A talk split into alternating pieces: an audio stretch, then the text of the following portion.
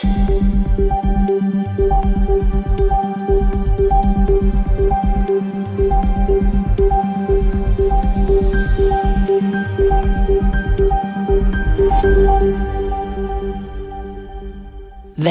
tilbake til Krimnytt, en podkast for deg som ønsker å følge med på aktuelle true crime-saker.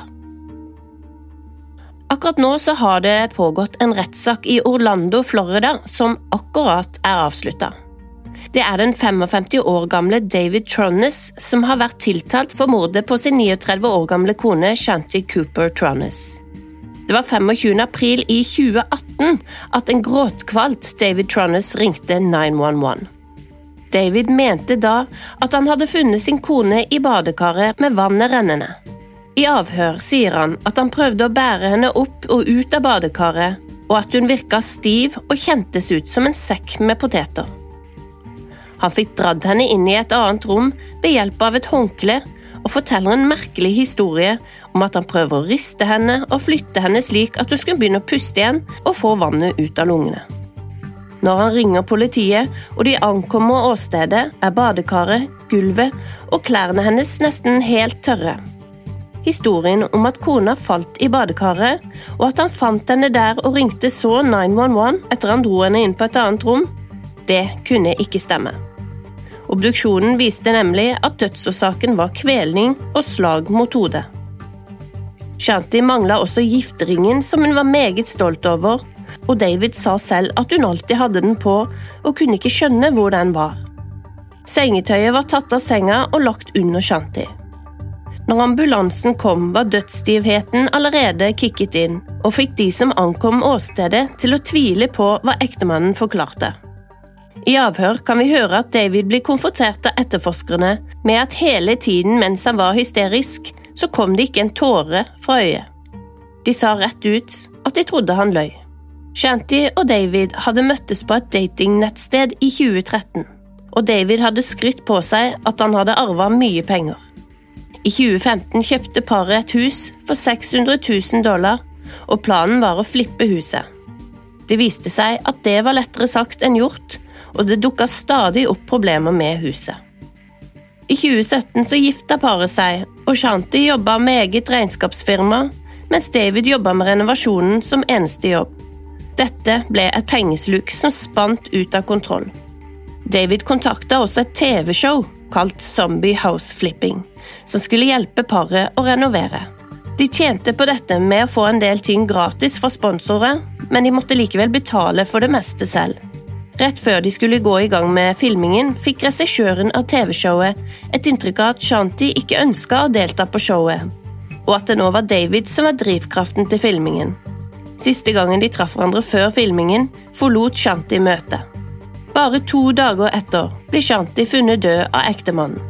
Han hadde da vært ute og gått en tur, og da han kom hjem, lurte han på hvorfor krana fortsatt sto på badet. Politiet fant også giftringen gjemt i en boks i Davids sine ting, og han ble arrestert og sikta for drapet. Rettssaken begynte 12. oktober, og onsdag forrige uke så ble David Trondes dømt til livstid i fengsel for mordet på sin kone. Det tok juryen bare fem timer å komme til sin avgjørelse. Så har det skjedd utvikling i en gammel sak fra 2005.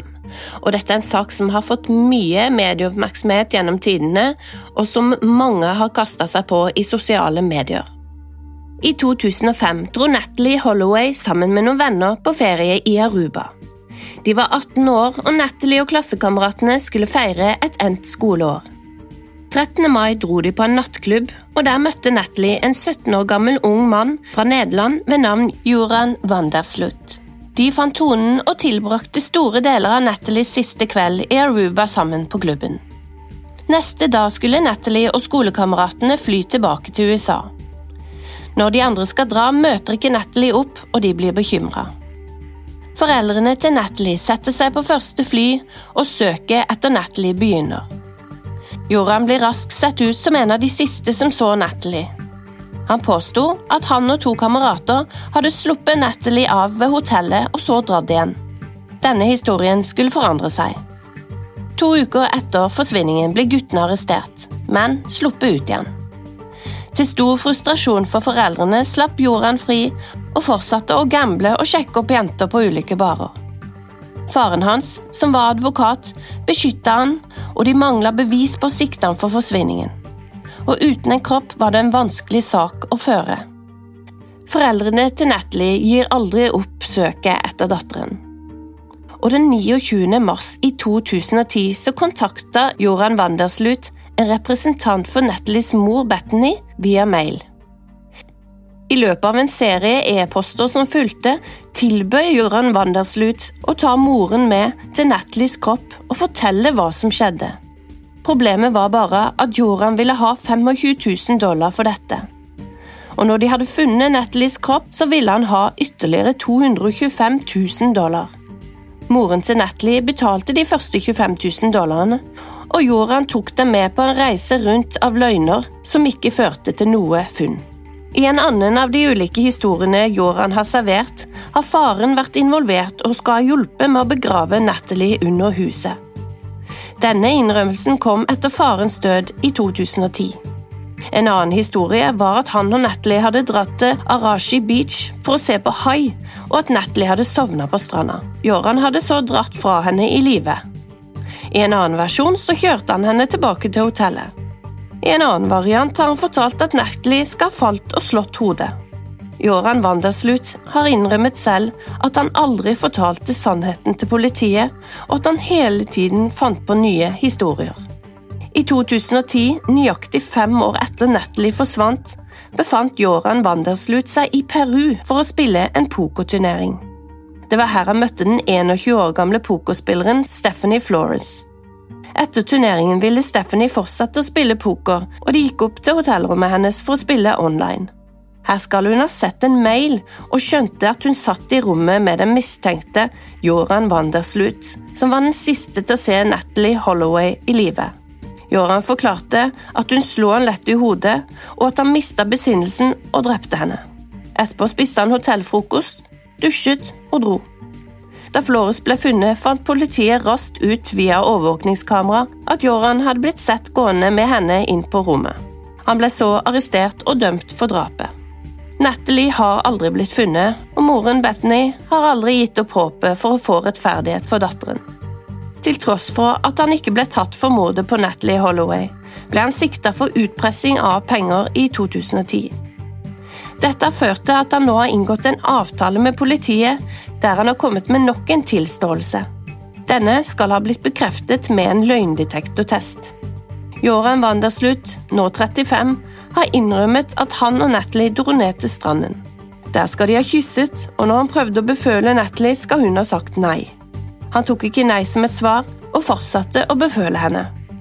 Da skal hun ha sparket fra seg og Joran forklarte at han ble så sint at han knuste hodet hennes med en lekablokk han fant. Han skal så ha båret liket ut i sjøen og dratt hjem. For moren til Natalie skal dette endelig ha vært en avslutning på 18 vonde år i jakten på rettferdighet og svar på hva som skjedde.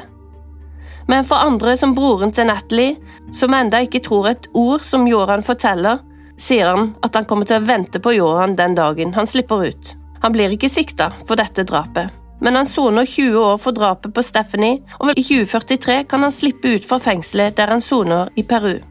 Spørsmålet er om dette er nok en løgn fra Joran Wanderslut sin side, eller har de endelig fått svaret på hva som skjedde med Natalie Holloway?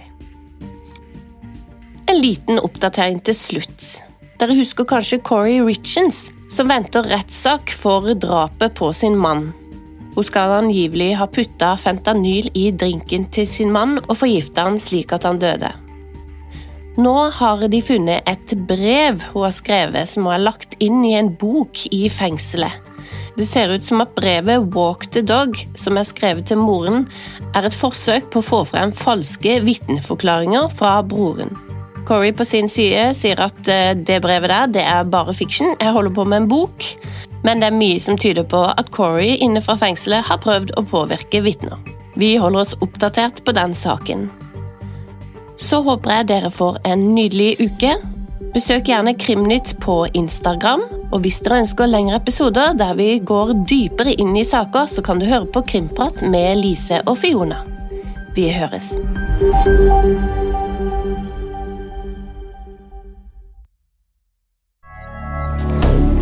Moderne media. Har du et enkeltpersonforetak eller en liten bedrift? Da er du sikkert lei av å høre meg snakke om hvor enkelt det er å sende faktura med fiken. Så vi gir oss her, fordi vi liker enkelt. Fiken superenkelt regnskap. Prøv gratis på fiken.no.